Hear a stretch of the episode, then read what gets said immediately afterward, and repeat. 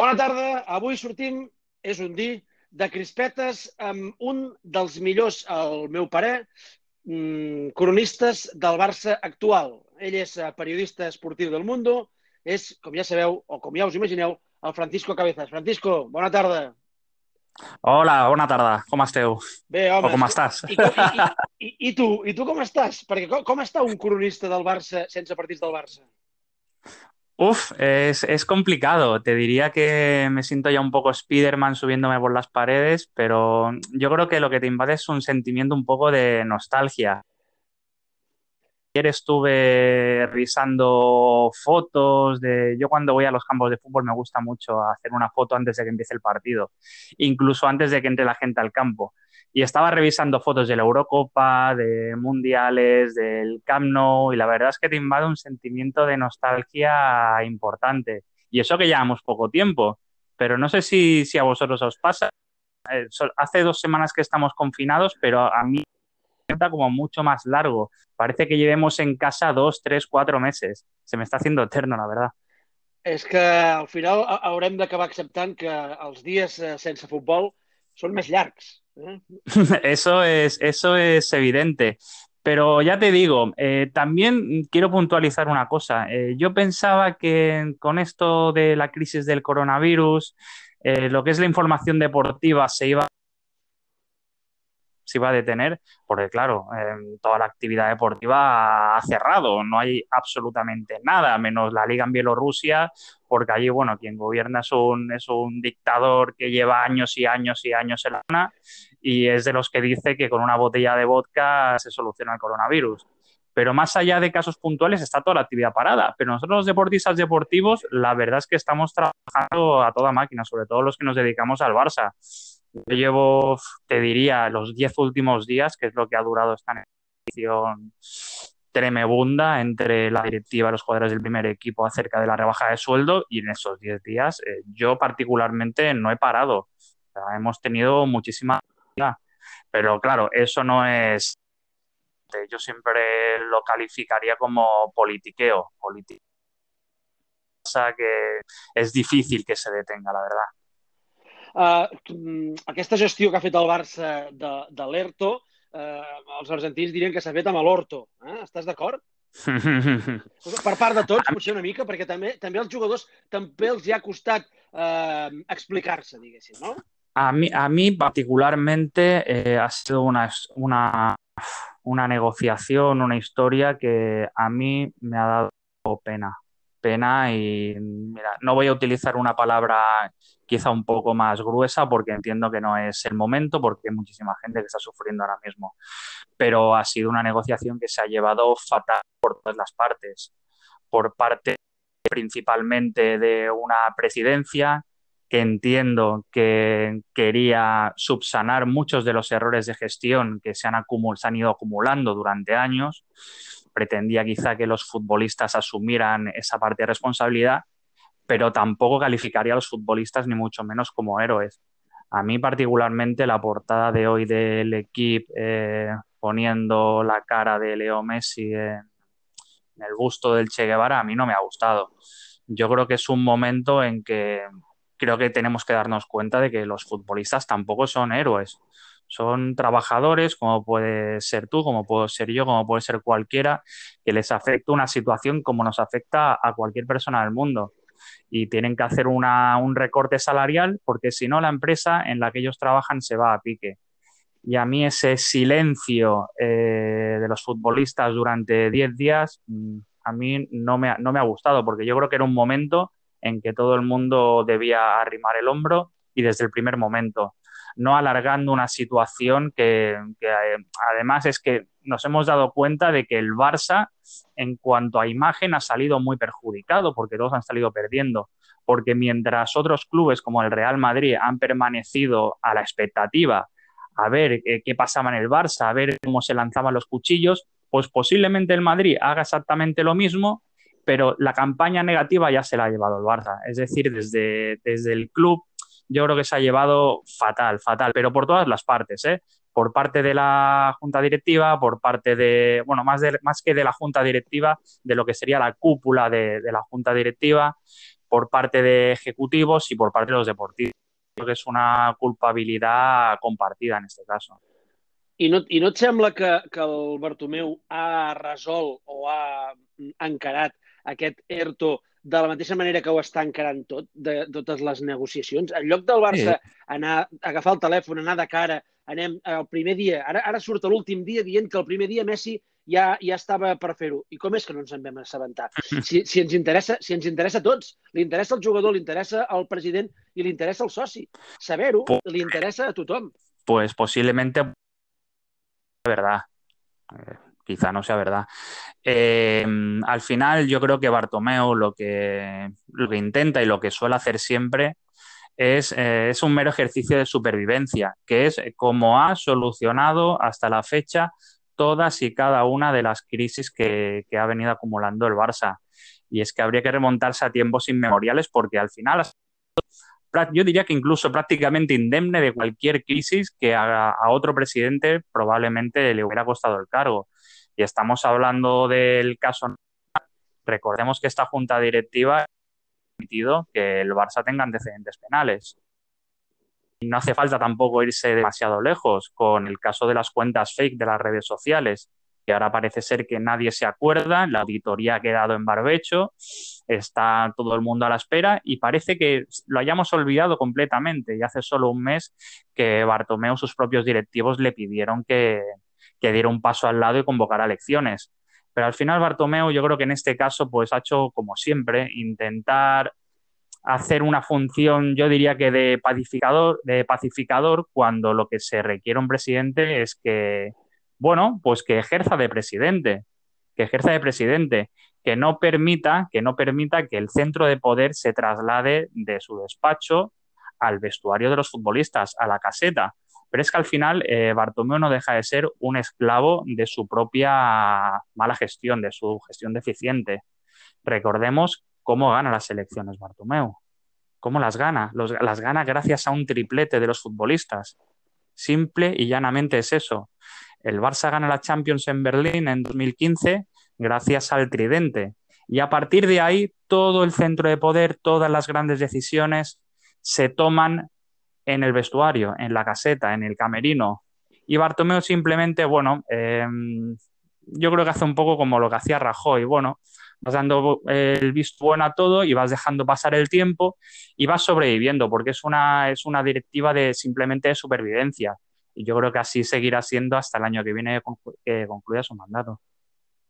Una directiva, Francisco, de supervivència i de filtradores, perquè jo no recordo a la història recent de, de cap club, eh, potser, potser algun, alguns anys de, de, de, del Florentino, eh, però ja les filtracions ja són, ja són directament de Florentino. Eh? Però eh, en aquest cas és un festival de filtracions al Barça a qualsevol dels, dels casos que van sortint. Bueno, pero es que el Barça es un club mm, muy particular en ese sentido. Eh, yo en este caso siempre pongo un ejemplo. Mm, si tú le preguntas a cualquier aficionado del Real Madrid por nombres de directivos, probablemente no te diga ninguno. Como mucho te podría decir el nombre de un ejecutivo que, sea que pueda ser mano derecha de Florentino, pero más allá de eso, mmm, Normalmente no, porque no los conocen. En cambio, en el Barça siempre se ha llevado mucho el tema del juego de, de poder. Y aquí conocemos absolutamente a todos los directivos, eh, conocemos a todos los ejecutivos y entiendo que todo el mundo quiere, bueno, pues acaparar un cierto protagonismo o al menos hacer ver que tiene cierto mando en, el club. Cuando yo lo que entiendo es que en el club mm, ahora mismo Bartomeu hace y deshace un poco como, le viene en gana, junto a Oscar Grau, que es con quien ha llevado las negociaciones con el primer equipo del Barça. Pero bueno, filtraciones, pues sí, pero en el Barça yo creo que ha habido toda la vida. Época de Núñez, que aquello era un auténtico festival, y con Gaspar, y con Reina, y con Laporta. Mm, yo, durante todos los años que llevo haciendo Barça, que van a hacer casi 20 años, eh, yo la verdad es que estas situaciones las he vivido muchísimas veces y que haya miembros del club que quieran entrometerse y quieran filtrar, yo creo que han estado ahí toda la vida, toda la vida. Jo, jo, jo com ara, com, aquest, com aquests últims eh, la filtració aquesta amb, amb, amb final sorpresa, que és jo et filtro tu i després, al cap d'una estona, sortiré jo públicament i, et, i ho negaré tot i et deixaré tu eh, amb el cul a l'aire, eh, aquesta, que s'ha anat repetint en el temps i ho vam tornar a veure ahir, que encara hi havia cinc minuts abans del comunicat de Messi periodistes eh, o algú que se li sembli escrivint que el dels jugadors que que bèstia, que no sé què, quantos, i llavors sortir el mateix que t'ha filtrat i digui no, si aquest tio des del primer dia ja volia donar el 70%. eh, eh, I això, això, perquè ho vam veure ahir, eh? però això ho hem anat vi vivint darrerament, diu, això és, és tremendo. I llavors la capacitat del suposat periodisme per tornar a assumir aquesta font com una font fiable i una altra vegada tornar a quedar amb el cul a l'aire. Aquí ja, ja, ja entronca el Barça amb el periodisme. També ens hauríem de fer mirar una mica. Sí, no, evidentemente los periodistas en este sentido tenemos una responsabilidad que no podemos dejar a un lado. Nos permitir que fuente al final sea una fuente de intoxicación más que de información. Yo creo que en este caso los periodistas tenemos que tener eh, mucho cuidado y sobre todo equilibrar equilibrar el tipo de fuentes y saber, fil y saber sobre todo filtrar, eh, saber si están diciendo realmente tiene algún interés que no sea el, propio de la, de la, información. Pero bueno, yo en ese sentido, yo puedo hablar por cómo trabajo yo, no cómo puedan trabajar otros compañeros. Yo procuro que las fuentes de información sean muy diferentes, porque si no es que es muy difícil eh, alcanzar un, yo diría que un punto de verdad. Y un ejemplo de esto lo tenemos en la famosa junta directiva en la que varios directivos le pidieron a Bartomeu que diera un paso al lado y convocara elecciones. Eh, esa junta directiva que ya sabemos que fue un restaurante en San Juan de Espí, que tenía esa etiqueta de secreta, pues escribió muchísimo sobre aquel encuentro. Y claro, si tú solo te fías de la opinión de un solo directivo, posiblemente no alcances la verdad en ese sentido. Tienes que siempre procurar tener mucho cuidado y sobre todo yo insisto mucho en el tema de, saber, eh, saber separar el grano de la paja y saber dónde está lo importante y sobre todo eh, no traicionar los propios valores del, del periodismo. Mm, pero bueno, estoy muy de acuerdo en lo que dices, sobre todo en que no son tiempos para nuestra profesión, porque parece ser que, que, mm, a veces tengamos la necesidad de posicionarnos en un bando. Al final, los que nos dedicamos a la información del Barça, lo que tenemos que hacer simplemente es, es informar de fútbol. Mm, no tenemos que posicionarnos a favor de tal directivo, de tal presidente o de tal futbolista sin intentar hacer una composición global, a partir de ahí ser críticos. Pero el momento en que te posicionas en un bando, luego es muy difícil cambiar. Y yo creo que ahí está uno de los grandes problemas. Doncs apuntat queda. Uh, ja per tancar el tema del, del, de l'ERTE, de l'ERTO, fixa't que al final, Francisco, de tant que n'hem parlat, de tants dies que hem esperat i tal, i s'ha tancat amb dos comunicats lamentables, és a dir, amb dos comunicats eh, prebèl·lics o postbèl·lics o directament bèl·lics, en què en un eh, Messi acaba sortint i, i dient el que fa dies que tu vols sentir i vols eh, escoltar, però també amb una hòstia guapa a la directiva i el, i el comunicat del Barça, que increïblement un club com el Barça acaba assenyalant a dos o tres jugadors del Barça. Sí, no, no, no. Eh, lo que vimos ayer eh, yo creo que sobrepasó lo, lo, grotesco, sobrepasó lo grotesco.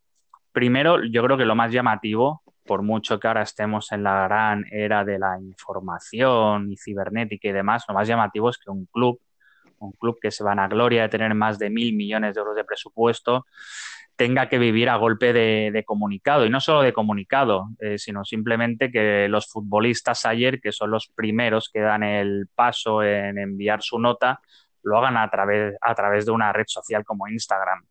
Mm, hemos llegado a un punto en que una empresa que factura mil millones de euros eh, esté pendiente del Instagram del futbolista de turno. A mí eso me parece, yo diría que la palabra sería cutre, sería cutre. Y luego, más allá de eso, yo no sé si después de alcanzar un acuerdo los futbolistas y Bartomeu, mm, ¿cómo puede ser, cómo puede ser que no alcanzaran también una entente en cómo comunicar esto? cómo comunicarlo. Primero, cómo el club eh, permite que los futbolistas se avancen y que cinco minutos después el club que les paga saque su propio comunicado. en el origen ya, ya, ya está mal hecho.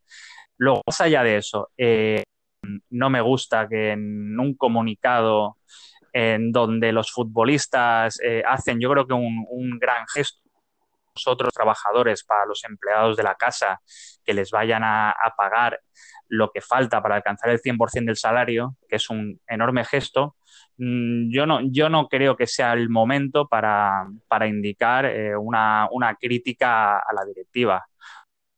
Tener sus desavenencias. Yo creo que no. Posiblemente no era el momento. Y ni mucho menos, eh, ni mucho menos tampoco era el momento para que el club señalara cuando precisamente los problemas, los grandes problemas, han sido con la plantilla, no con el básquet, más allá de que dos, tres, cuatro jugadores no estuvieran de acuerdo en la manera como se iba a plantear eso. Pero señalar a una, señalar a una sección, mm, no sé, yo no sé quién fue el ideólogo de, esa nota de prensa, pero bueno, creo que, no sé, no, no, tiene sentido. Imagino que era Florentino Pérez si no era Florentino Pérez, jo no entenc qui va ser el que va inspirar, va redactar eh, aquesta nota. Eh, no, no puc entendre. En que estamos trabajando por videoconferencia de manera telemática, es imposible ponerse todos en una sala, pero bueno, a mí eso no me sirve de excusa. Eh, yo creo que no era tan complicado ver este acuerdo como algo positivo como muy positivo, porque al final el club ha conseguido lo que pretendía, que era el 70% de rebaja salarial de los futbolistas. Los jugadores también han hacer, yo diría, con un punto de simbólico para el resto de empleados de la entidad. Digo, sí, de su salario mensual, pues quizá no sea tanto, pero bueno, es un, es un gesto que los empleados del club han valorado. Yo creo que no era tan difícil intentar vender esto. Luego al final, pues se intenta, bueno, con una entrevista triple del presidente a los tres diarios deportivos catalanes, en los que intenta, bueno, en los que intenta hacer la propaganda clásica de que solidario del Barça cuando has estado 10 días permitiendo que la bola se hiciera, se hiciera grande, grande, grande. No sé, yo creo que ha sido una gestión. Sí, com dèiem al, al principi, eh, el Barça ha gestionat aquesta crisi, el Barça de Bartomeu ha gestionat aquesta crisi com el Barça de Bartomeu ho gestiona tot. Al final eh, se surt, es fica bona cara, un somriure, tres entrevistes, es diu que tot el que s'ha publicat és mentida y andaban que... Sí, pero te, te das cuenta que al final eh, siempre parece que los periodistas seamos los culpables de, de, todo lo que ocurre en el... De todo lo que se ha publicado. Es mentira, esto... Cuando realmente las informaciones salen en...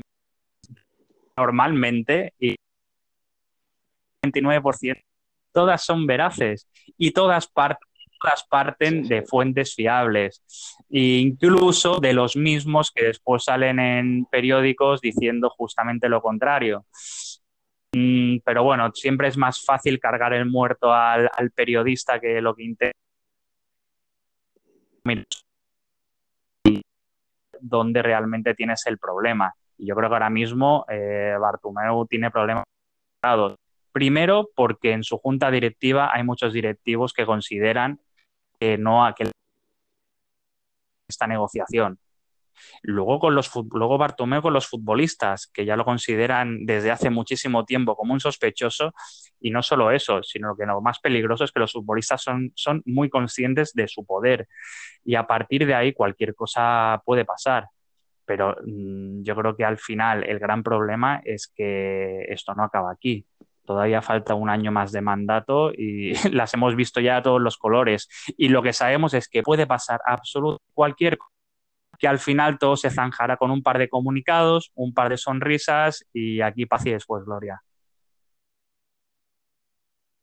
Ostres, Francisco, uh, tenia me moltes més coses per parlar-te. Volia parlar-te de Xavi, volia parlar-te d'un parell de coses més, però ho deixarem pel proper dia que ens tornem a, que tornem a parlar perquè avui l'actualitat ha sigut tan demolidora i ens ha deixat tants titulars eh, en aquest eh, podcast que amb aquests, eh, amb aquests minutets avui ja farem.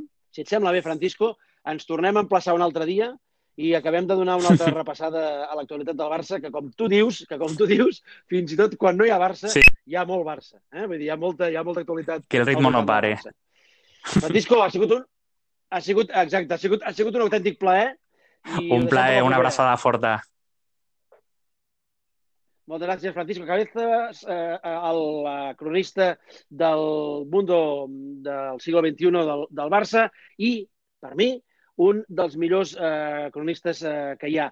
Eh, només una cosa, dirigents, eh, tant dirigents polítics com a dirigents esportius i sobretot el coronavirus, deixeu que torni al Barça, ni que sigui per llegir les cròniques de Francisco Cabezas.